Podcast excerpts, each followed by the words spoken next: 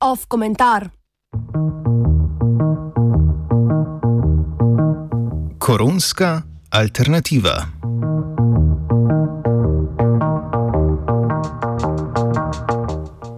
Več kot dveh mesecih bolj ali manj strogega lockdowna s policijsko uro vred, se je skoraj nemogoče izogniti občutku, da je premikanje datumov na koledarju postalo nekoliko brezpomensko. Tudi za tistega, ki pozorno spremlja politično in družbeno dogajanje, se dnevi vrtijo po zdaj že predvidljivem vzorcu. Dopoldne COVID novinarska konferenca, novih okoli 1500 okuženih, okoli 40 umrlih, popoldne novica, ki potrjuje strahove samo oklicane levo usmerjene javnosti, da so barbari ne samo pred vrati, ampak plezajo že na glavni obramni stolp. V petek protesti, vsak mesec ali dva še ne nov protikoronski zakonski svežen. Prav zaradi monotonosti vsakdanjika, ki pa je še vedno poln informacij, je pravzaprav težko zaznati vse nove naloge, ki jih je prevzela država in biti presenečen nad njimi.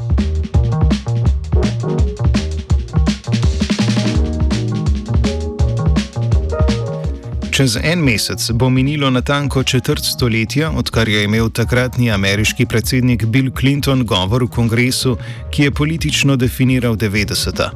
Že takrat je obveljal po najbolj znani paroli: The era of big government is over. Torej, da je čas vlade, ki je v povojnem času, sploh v Evropi, vsaj deklarativno poskušala za svoje državljane skrbeti od zipke do groba, konec. Clinton to parolo v govoru uporabi celo dvakrat, napove zmanjšanje socialnih programov in pozove k večji vlogi verskih in dobrodelnih organizacij. Govor je v očeh takratnih opazovalcev predstavljal zadnji žebel v krsti povojnega kompromisa državne blaginje, ki naj bi na Zahodu zadržala ponovni vznik strank na skrajnem robu političnega prostora.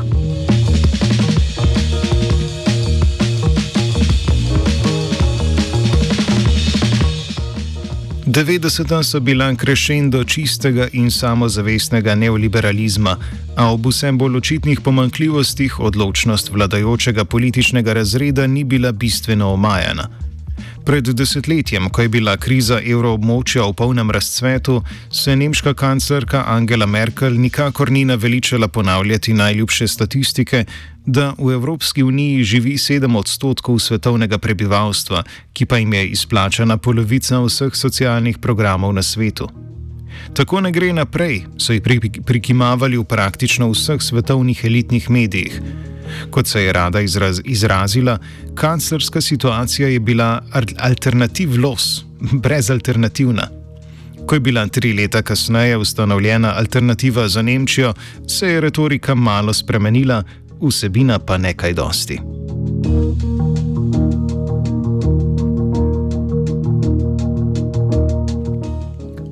Dejstvo, da je bil model reševanja kljub temu, da naj druge možnosti ne bi bilo napačen, je vendarle postalo preveč očitno, da bi si pred njim vsi, zaplet, vsi upleteni zatiskali oči.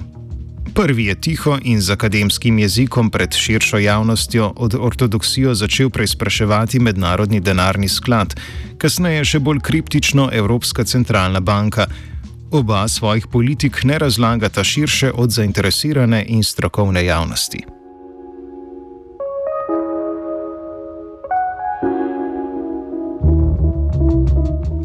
Nekaj podobnega velja za upokojene politike in ekonomske svetovalce.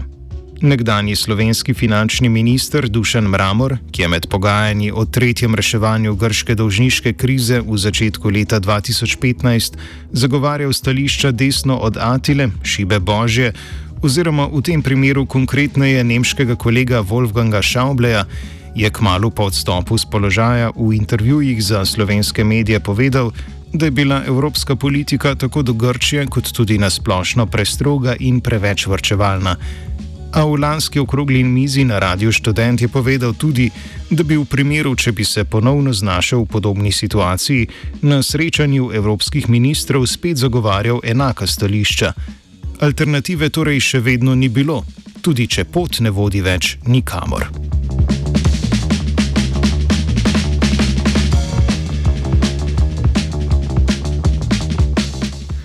Svetovna pandemija novega koronavirusa, ki je, naprimer, kar se tiče Združenih držav Amerike, zahteval več življenj kot druga svetovna vojna, je očitno dokazal, da se lahko zgodi več, kot smo si morda predstavljali. Izjemne okoliščine zahtevajo izjemne ukrepe. In kar se tiče gospodarstva, je to pomenilo, da so države jasno pokazale, da nameravajo izbrane gospodarske dejavnosti podpreti s kolikor koli denarja bo pač potrebno.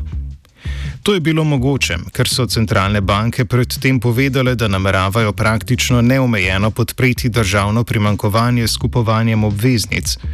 Nekoč bi se ob takih odločitvah nemudoma odzvali proračunski jastrebi in pokazali inflacijo, še več hiperinflacijo, ki naj bi neizogibno sledila takemu nonšalantnemu, tis nonšalantnemu tiskanju novega denarja in seveda vse civilizacijske tegobe, ki doletijo vsako tako kratkovidno državo.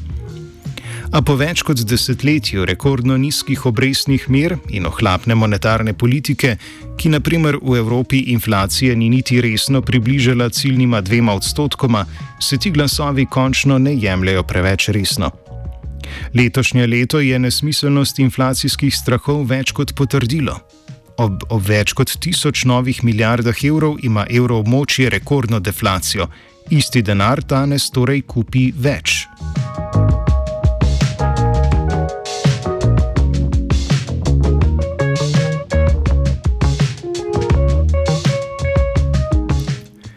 Začetkom cepljenja, ki je rezultat v zadnjih desetletjih nevidene državne organizacije vseh razpoložljivih znanstvenih in industrijskih verov, smo se začeli premikati po sicer še dolgi poti do končne razrešitve zdravstvene krize. Vprašanje, ki bo kmalo pred nami, bo ali konec izrednih razmer pomeni tudi vrnitev v staro ekonomsko politiko.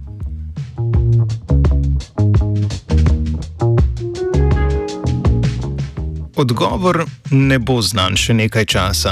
Dogovor o skupnem stimulacijskem paketu je bil v Evropski uniji sprejet šele ta mesec in pomeni precejšnje državne investicije v prihodnjih dveh letih. Tudi zdravstvo si verjetno lahko obeta dolgoročnejše više financiranje. Če kaj, bodo tarča verjetno neposredni denarni transferji in projektno financiranje.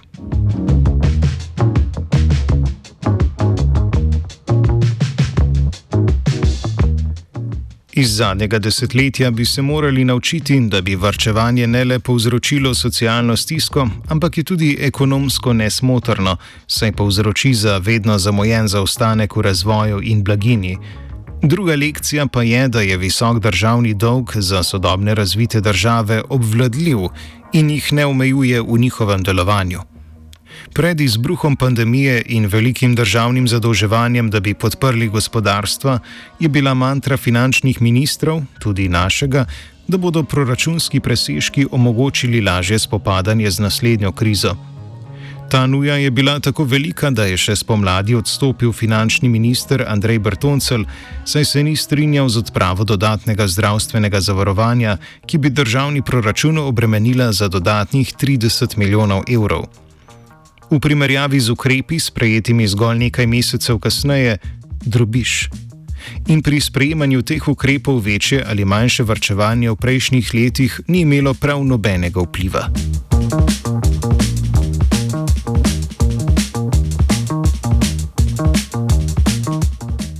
V povezavi z okoljsko in energetsko politiko bo odločanje o tem, kako veliko vlogo nameniti državam, ki bodo v postkoronsko obdobje vstopile rekordno zadolžene, ključno politično vprašanje. Ali si za cilj ponovno zastaviti znižanje državnega dolga, ali pa prepoznati, da dolg v doglednem času ne bo nikoli odplačan. To tudi ni nikakršen poseben problem, saj sedi na bilancah centralnih bank. Z drugimi besedami, Denar smo dolžni samim sebi, saj smo denar tudi sami ustvarili. Denar, ki ga centralna banka zasluži sicer izredno nizkimi obrestmi od dolga, ki ga ima, se steče nazaj v državne proračune.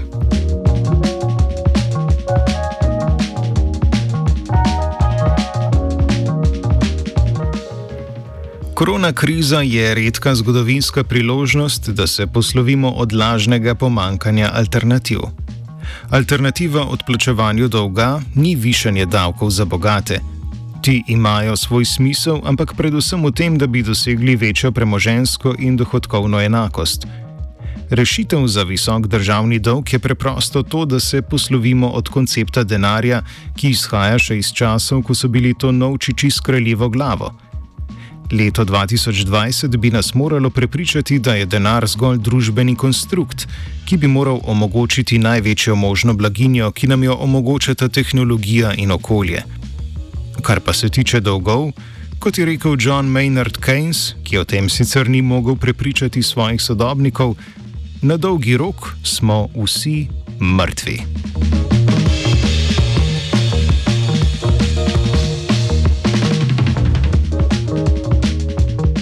Komentiral je Gal.